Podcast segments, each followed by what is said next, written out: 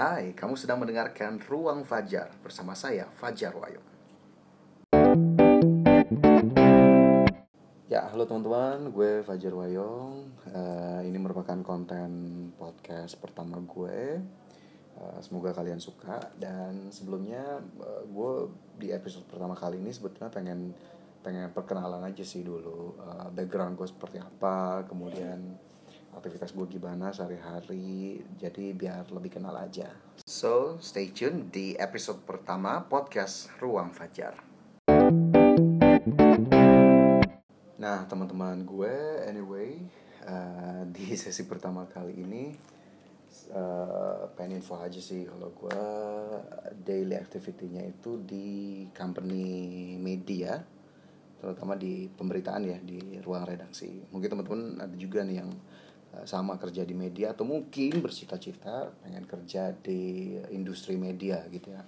Nah gue spesifik di redaksi pemberitaan ekonomi dan bisnis di salah satu grup eh, media cukup besar bahkan mungkin bisa dibilang eh, besar ya di Indonesia dan gue menjadi salah satu uh, tim pemberitaannya secara jabatannya associate producer kemudian secara fungsi hariannya sebetulnya sebagai uh, presenter. Nah apa sih sebetulnya yang dilakuin sehari-hari gitu ya oleh associate producer termasuk juga presenter kayak gue jadi kalau sehari-hari itu uh, gue pasti harus bikin konten berita. Konten berita yang memang sesuai dengan kebutuhan pemberitaan. Karena kita di redaksi atau di TV spesifik ekonomi dan bisnis jadi kita nggak lari jauh-jauh gitu ya. Dan kita memang nggak mengangkat uh, terlalu dalam tentang politik gitu ya tentang kriminal. Mungkin bisa kita ulas begitu ya kayak politik atau hukum tapi semuanya yang harus bersaut bersangkutan gitu ya atau berkaitan sama ekonomi dan bisnis. Nah core utama dari dari redaksi gue adalah di uh, ekonomi pasar modal atau investasi. Nah, mungkin teman-teman juga di sini udah ada yang uh, bagian dari investor begitu terutama di pasar modal, di saham gitu ya, mungkin udah cukup familiar. Nah, gue bergeraknya di di situ sebetulnya. Kemudian tugasnya adalah membuat berita, konten berita, konten siaran bisa berupa berita-berita um, makroekonomi begitu tentang pemerintah, tentang kebijakan, tentang moneter, tentang fiskal atau spesifik tentang pasar modal, tentang saham, tentang obligasi, tentang investasi dan lain-lain begitu ya eh, seperti yang tadi gue bilang ruang lingkupnya. Dan selain itu dari bikin konten harian gitu ya kemudian diskusi bareng teman-teman redaksi gue juga bersiaran siang pagi dan siang biasanya.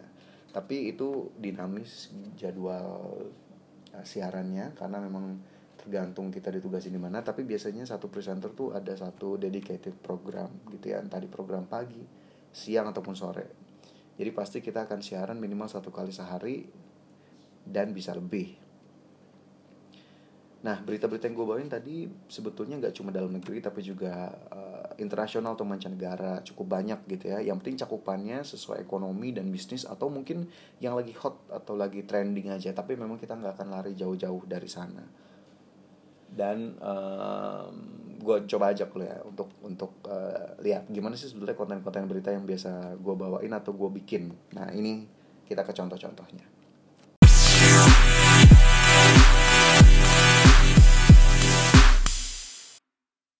Nah, contoh berita pertama ini sebetulnya masih terkait berita dalam negeri, terutama terkait pemerintah. Kita coba lihat aja, ini masih seputar info terbaru ya tentang vaksin COVID-19.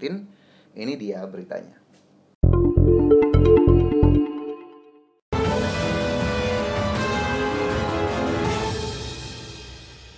Anda kembali bergabung bersama kami dalam IDX for Session Closing. Presiden Joko Widodo siap menjadi orang pertama yang disuntik vaksin COVID-19. Namun Presiden menegaskan penerima vaksin diutamakan para tenaga kesehatan. Namun pemerintah belum memutuskan merek vaksin apakah yang akan diberikan kepada masyarakat.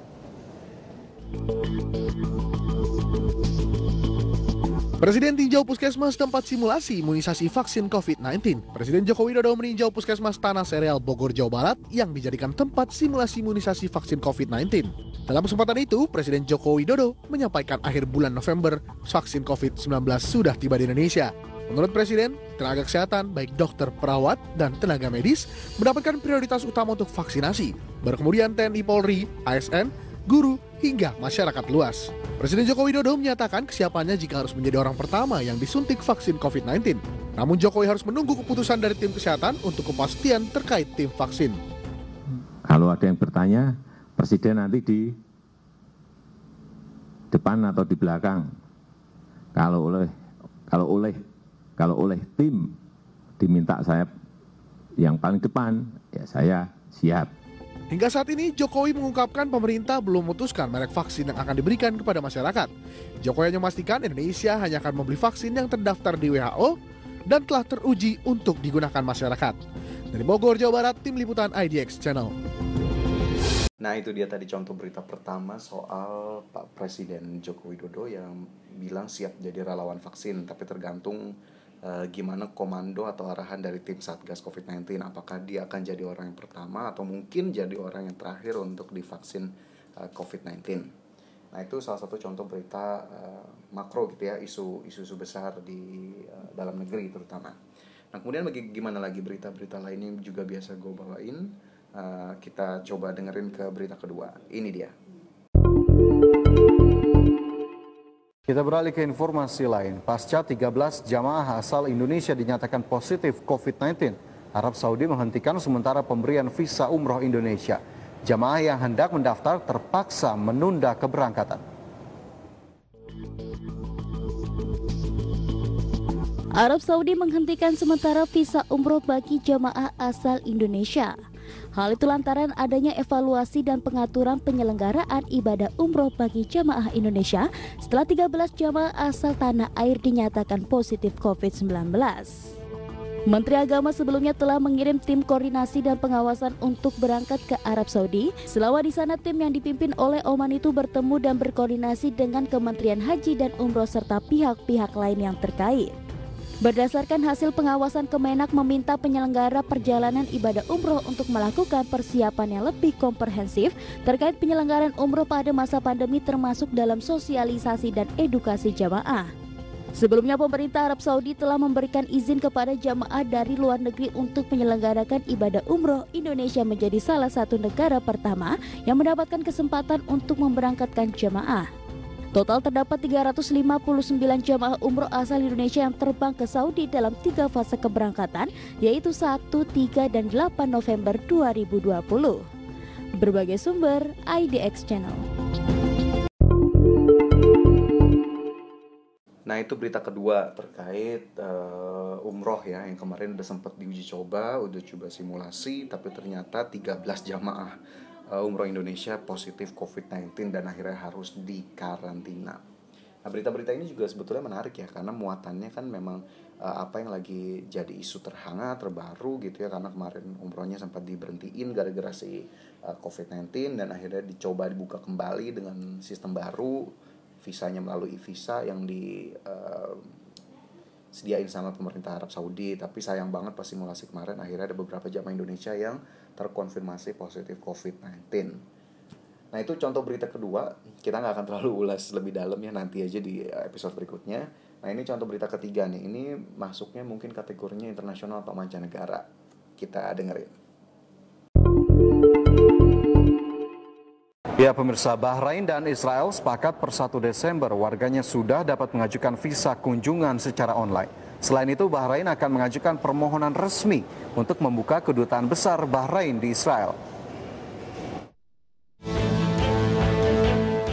Langkah hubungan diplomatik Israel-Bahrain membawa hal positif untuk keduanya. Mulai 1 Desember, warga Bahrain dan Israel akan dapat mengajukan permohonan visa kunjungan secara online.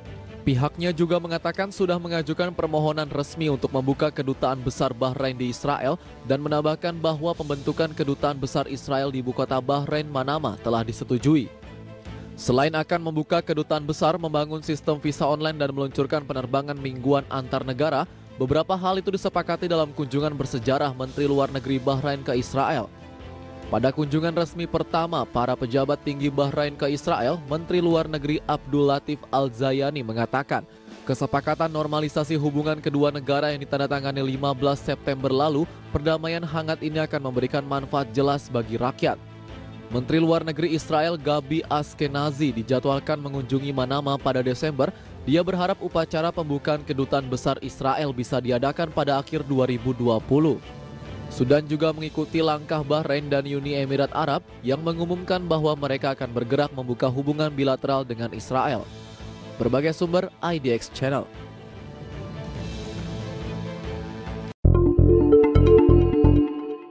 Itu contoh berita ketiga yang masuk kategori internasional atau mancanegara. Ini sebetulnya agak mengusik ya berita ya. Jadi kadang-kadang presenter berita juga nemuin berita-berita yang kadang mungkin mengusik diri sendiri gitu ya entah idealismenya atau prinsipnya gitu ya. Kayak ini contohnya ada Israel dan Bahrain yang akhirnya eh, setuju untuk kerjasama lebih lanjut bahkan Bahrainnya siap buka kedutaan besar di Israel.